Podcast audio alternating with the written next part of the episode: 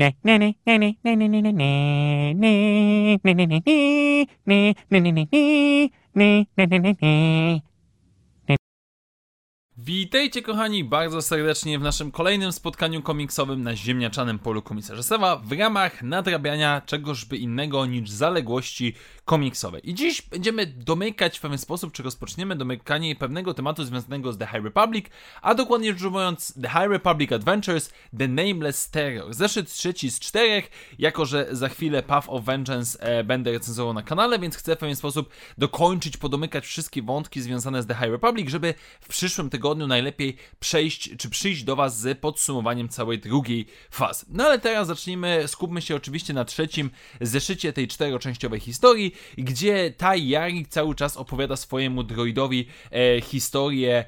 mistrza, jej mistrza z przeszłości, kiedy to on i wraz z grupką, wraz z grupką Jedi natrafili na przedstawicieli Path of the Open Hand, czy też Path of the Closed Fist, którzy transportowali jaja e, potworów znam, znane jako Nameless. No i mały, mały e, element związany z tym, że ta historia jest jakby dwuczłonowa, ponieważ z jednej strony oczywiście wszystko dzieje się w okresie drugiej fazy, ale w trakcie e, powiedzmy pierwszej fazy mamy Tai Yari, która opowiada cały czas, cały czas tą historię i która przekomarza się w pewien sposób z Kloczy i swoim droidem, żeby ten, bo ten cały czas chce usłyszeć dalszą część historii. Natomiast jeżeli chodzi o naszych bohaterów z drugiej fazy, no cóż, mamy tutaj pewnego rodzaju ucieczkę cały czas przed Nameless, mamy pewnego rodzaju starania, żeby przywrócić e, do lepszego zdrowia mistrzyni Xinit, jak i również okazuje się, że trzeba zawiązać pewnego rodzaju sojusz z przedstawicielami Path of the Open Hand, którzy oczywiście próbują oszukać naszych rycerzy Jedi, ale zdają sobie sprawę, że bez ich pomocy nie uda im się raczej przeżyć. No i e, w pewnym momencie Paco, czyli powiedzmy inżynier całej tej ekipy Pathfinderów, dochodzi do wniosku, że skoro statek i tak nie poleci, to mogą wykorzystać go jako wielką bombę, jednocześnie zapędzając potwory do środka, e, wysadzając silniki i w ten sposób pozbywając się zagrożenia, więc całe nasze dwie ekipy połączone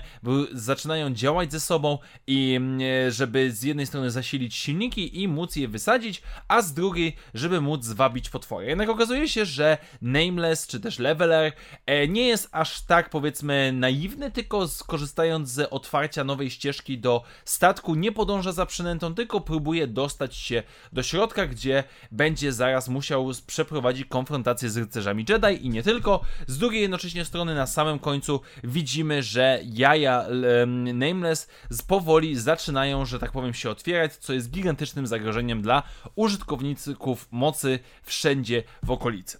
I ja wiem, że ten opis jest może dosyć ogólnikowy i może być to zaskakujące, biorąc pod uwagę, że jest to, e, te zeszyty, które dostajemy są dosyć, powiedziałbym, długie i mają naprawdę sporo tekstu, ale sama historia jest dosyć prosta i ona, powiem wam szczerze, działa najlepiej, kiedy czytamy całość naraz, ponieważ, żeby przypomnieć sobie w pewien sposób historię, Przeczytałem dwa poprzednie zeszyty, e, które już recenzowałem jeszcze raz. Sięgnąłem po trzeci właśnie teraz w tym momencie i to zdecydowanie działa jako zamknięta historia. Zakładam, że czwarty tom będzie działał podobnie, z tą różnicą, że tylko on będzie domykał niektóre tematy, ale moim zdaniem zdecydowanie warto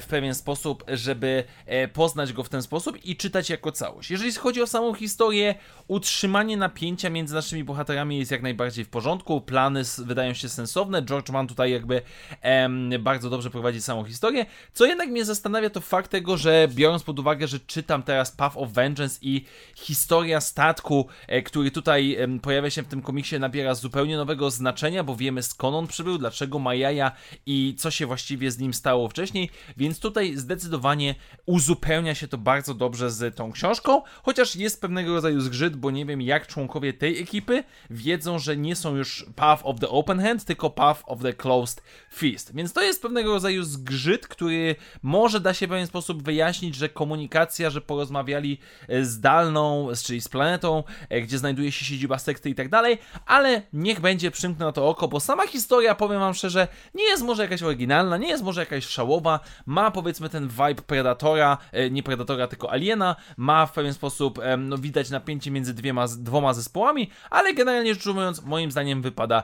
całkiem solidnie. Tak więc dziękuję wam bardzo serdecznie moi drodzy, do usłyszenia w następnych materiałach i w finale tej historii i jak zawsze niech moc będzie z wami. Na razie, cześć!